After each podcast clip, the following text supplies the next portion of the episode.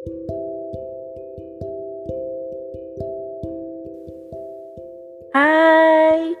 Sobat Bangku Podcast.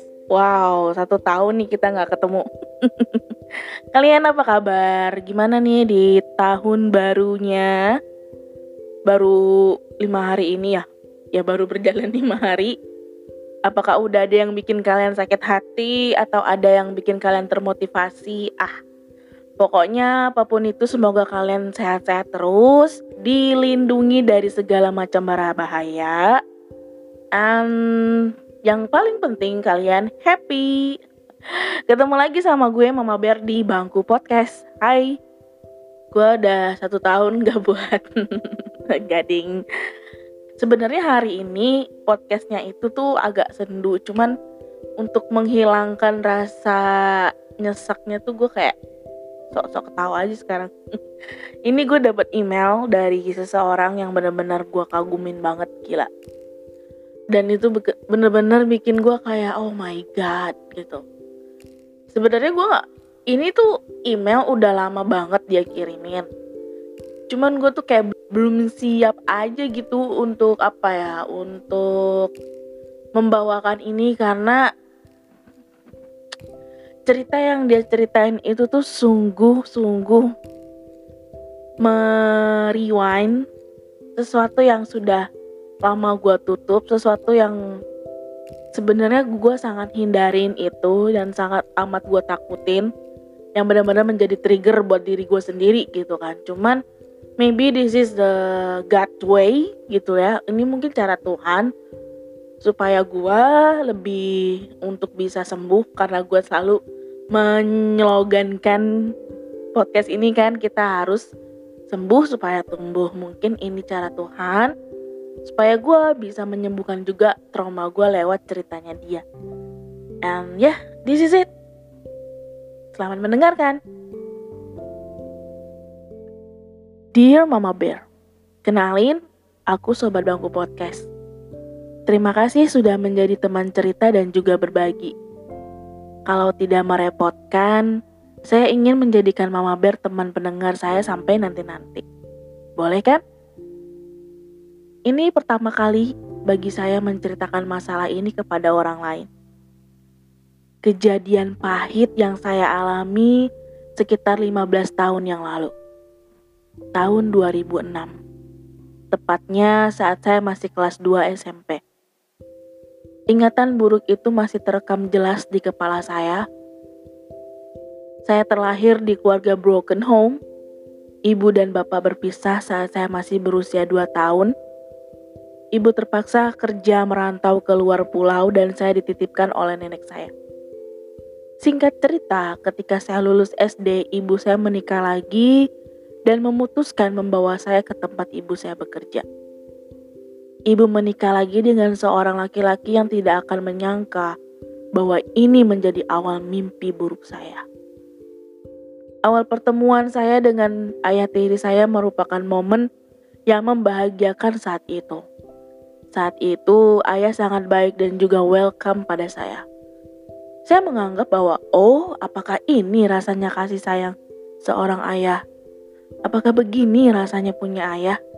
Saat itu saya merasa saya sudah menjadi anak yang paling beruntung karena keluarga saya sudah lengkap.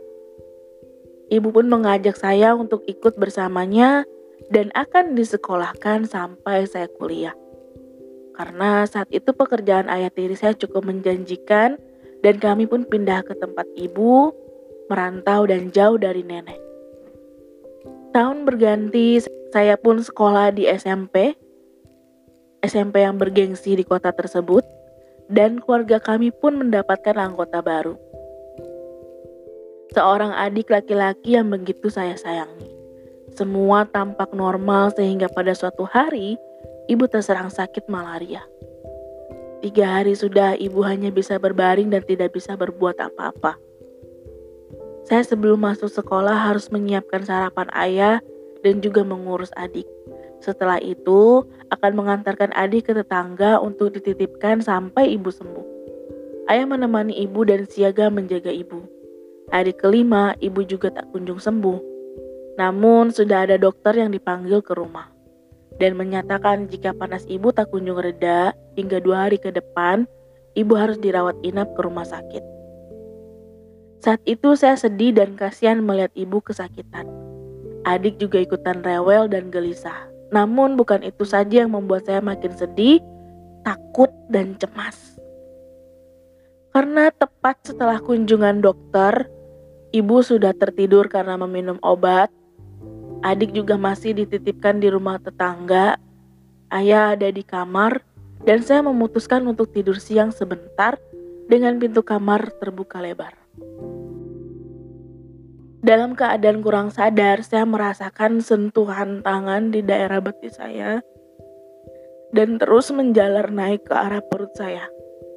Saya sedikit takut untuk membuka mata, tapi karena sentuhan itu terasa begitu keras, perlahan saya mengintip tangan siapa yang menyentuh tubuh saya.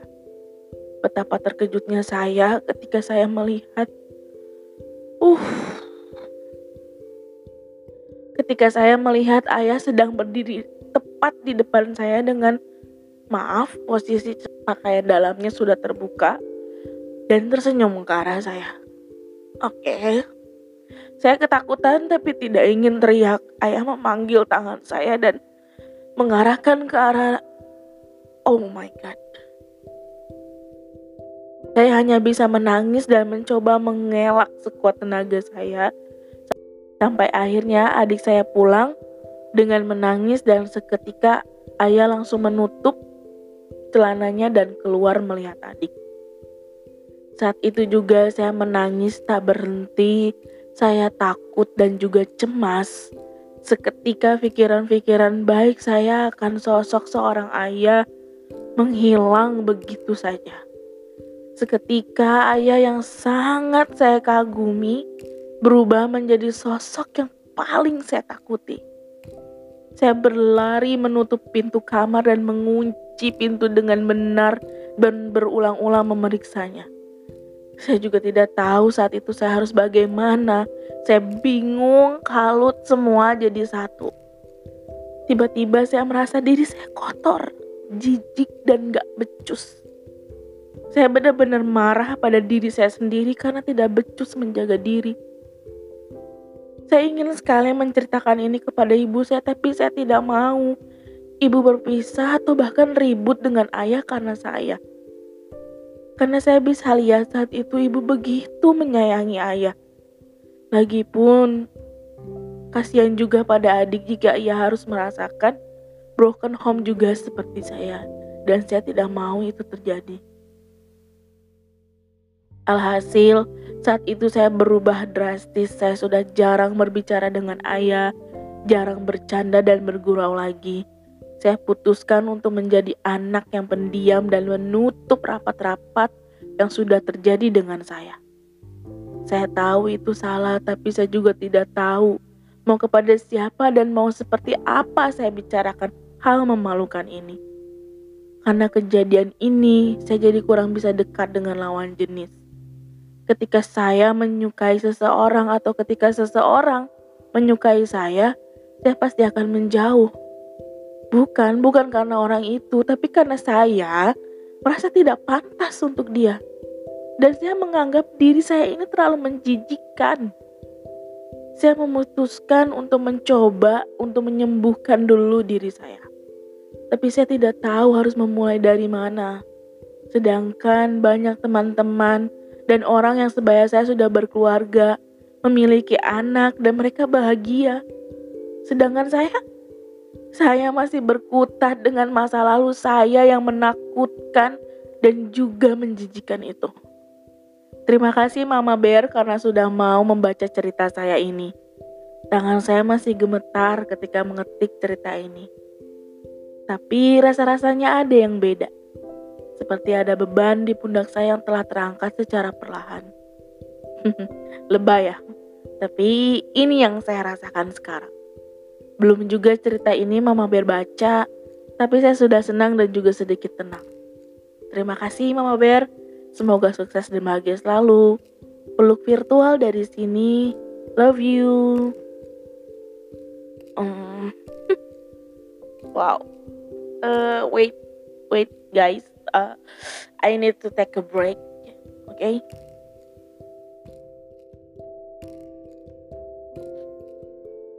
oke okay.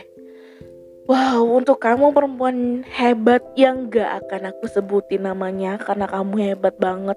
Uh, jadi pengen peluk. Sending virtual hug dari sini buat kamu ya. Um, this is uh, so crazy man. Oh my god. Ketika gue ngebacain DM lu tuh gue kayak, hmm, gue pernah ngerasain momen itu gitu.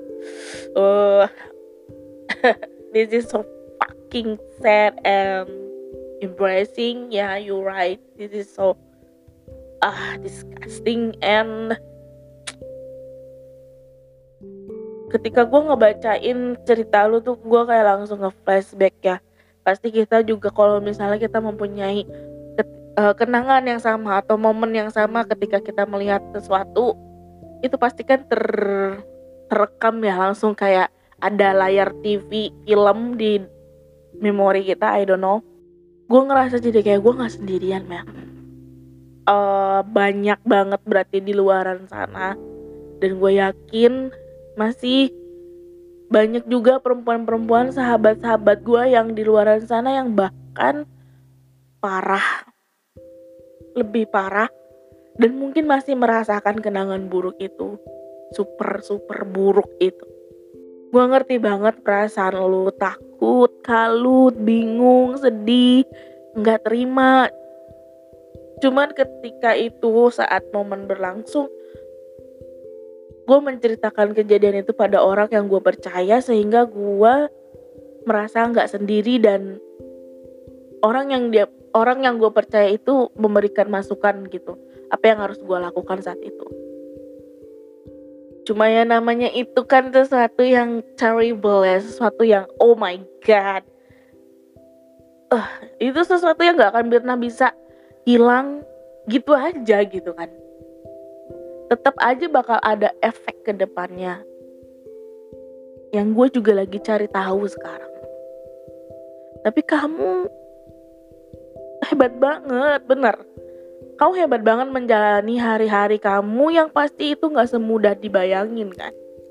Strugglingnya kamu, jatuh bangunnya kamu, dan itu tidak menempatkan kamu juga di tempat yang tersesat. Saya melihat Instagram yang kamu kasih biar kita bisa follow-followan dan saya menstalking juga betapa kamu tumbuh menjadi pribadi yang baik. Kamu sukses di bidang kamu. Walau setelah foto itu, sorry, walau setelah foto itu kamu akan menangis ya nggak apa-apa. Atau ada perjuangan di balik foto yang membahagiakan yang kamu sajikan untuk publik itu ya nggak apa-apa. Iya nggak apa-apa. Uh, dari sekarang kamu hebat. Kamu ingin sembuh supaya kamu tumbuh. Itu udah jadi awal yang baik. Udah menjadi keputusan yang sangat tepat um, tapi kalau bisa kalau bisa alasan kamu untuk moving onnya jangan karena pencapaian-pencapaian orang gitu loh. Seperti yang selalu saya sudah bilang sebelum-sebelumnya bahwa semua masing-masing kita sudah punya garis finishnya gitu kan. Dan dari dari garis finish itu sudah diletakkan di depan kita. Kita cuma perlu jalan santai atau berlari atau bahkan maraton buat bisa sampai ke sana, itu balik lagi ke kitanya. Terus kalau misalnya kamu melihat orang udah pada bahagia, udah pada nikah, terus udah aku mah apa tuh gini-gini aja gitu kan. Ya jangan, jangan dong. Capek tahu membandingkan hidup orang lain dengan hidup kita. Nggak ada habisnya. Satu. Yang kedua, hidup kamu sama dia tuh jauh, jauh berbeda. Latar belakang kalian juga berbeda. Semua sudah punya skenario nya masing-masing kita juga nggak tahu kan apa aja yang udah dialamin sama dia sampai bisa berada di titik yang kamu dambakan itu. Tapi kamu juga nggak akan sadar bahwa hidupmu yang saat ini yang terlihat bahagia ini juga menjadi sebuah bahan perbandingan orang lain jadi untuk pertama-tama berhenti dulu membanding-bandingkan pencapaian kamu dan standarnya kebahagiaan kamu dengan standarnya kebahagiaan orang. Karena itu sudah pasti berbeda. Nah, kedua, ubah dulu alasan kamu sembuh. Ubah itu untuk diri kamu sendiri. Kamu ingin sembuh ya karena itu untuk kebaikan kamu sendiri. Karena kamu mencintai diri kamu sendiri. Karena kamu ingin diri kamu lebih bahagia dan supaya kamu bisa lebih mencintai diri kamu sendiri. Nah, yang ketiga, I'm so thankful, I'm so glad, I'm so proud of you, and thank you for speak up. Terima kasih sudah berani menceritakan ini dan mempercayakan saya sebagai pendengarmu. Karena bagi saya um, bagi saya pasti ini nggak akan mudah 15 tahun loh luka ini kamu bawa kamu gendong kamu tanggung sendirian wow saya nggak bisa sih ngebayangin diri kamu seperti apa tapi kamu bisa menampilkan yang baik kamu bisa menampilkan yang mm, I'm okay gitu kepada dunia tapi dalam hati kamu kamu babak belur aduh sedih banget. Um,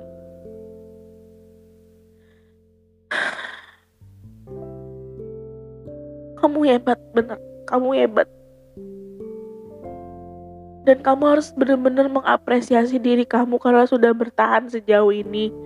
Bertahan dengan baik super super baik. Ya ampun. Ini langkah awal sayang. Ini benar-benar langkah awal. Setelah ini kamu masih punya perasaan yang akan ada perasaan yang mengganjal atau perasaan tidak enak. Nggak apa-apa mending kamu langsung konsultasi ke tenaga yang lebih expert gitu ya trauma itu harus disembuhkan wajib segala sesuatu yang terpendam di alam bawah sadar kamu sesuatu yang telah kamu rubah dari jati diri kamu itu harus segera disembuhkan, harus dikembalikan ke posisi semula supaya kamu gampang untuk lebih jalan ke depannya lagi gitu. Ingat ya, kamu itu jauh lebih berharga dari apa pun. Yang terjadi bukan salahmu, bukan. No. Big no banget. Itu memang sudah harus terjadi dan sudah tertulis di suratan takdir kita. Sekarang yang harus kamu lakuin terus berjalan dengan segala upaya juga untuk menyembuhkan. Karena kamu worth it atas segala kebahagiaan-kebahagiaan yang ada di dunia ini. You are such a beautiful thing that ever God created in this entire world gitu. Just try hard to make a deal with yourself karena diri kamu itu punya andil yang besar dalam hidup kamu sendiri. Ketika kamu sudah memutuskan ini, gue harus sembuh gitu loh. Kamu juga harus mengapresiasi diri, kasih reward ke diri kamu sendiri ya entah makan enak, makan es krim McDonald, jalan-jalan ke tempat yang kamu favoritin atau baca buku yang kamu suka atau bahkan beli barang-barang yang kamu idamkan, tapi kamu masih tunda untuk beli. Beli sekarang juga mumpung masih ada barangnya, jangan sampai nanti nyesel. Barang nggak ada lagi, tapi kamu masih pengen barang itu kebeli. Oke? Okay? You are really really really great, amazing person that I ever know. Saya tahu kamu tuh hebat banget dan sekali lagi terima kasih terima kasih sudah bertahan sejauh ini dengan baik dan saya yakin pasti banyak juga luka yang telah kamu sembunyikan silahkan ya kamu konsultasi this is not embracing at all ini gak sama sekali memalukan ini adalah jalan yang benar yang harus kamu tempuh karena ini adalah cara kamu untuk lebih mencintai diri kamu supaya kamu bisa mencintai orang lain dan bisa orang lain mencintai kamu juga. Ini langkah awal sayang. Semangat. ada apa-apa DM aja saya karena sebelumnya juga kita udah DM DM-an ya udah DM DM-an ya jadi ya udah mudah-mudahan kapan-kapan kita bisa ketemu kalau ada jodohnya ngopi bareng mungkin sambil ngomongin masa depan. Sampai jumpa di titik tumbuh yang paling hebat ya. Peluk virtual dari jauh jaga kesehatan jaga diri jaga hati. I love you. Untuk kalian juga sobat bangku podcast ada apa-apa gue nggak gue nggak bosan-bosan ngingetin kalian bahwa eh uh, gue di sini ada untuk kalian bener-bener. Sorry. Karena um, dua minggu ini banyak banget ya email yang masuk. Uh, emailnya itu bener-bener semuanya nyentuh perasaan gue banget. Dan nyadarin bahwa ini keputusan gue nggak salah.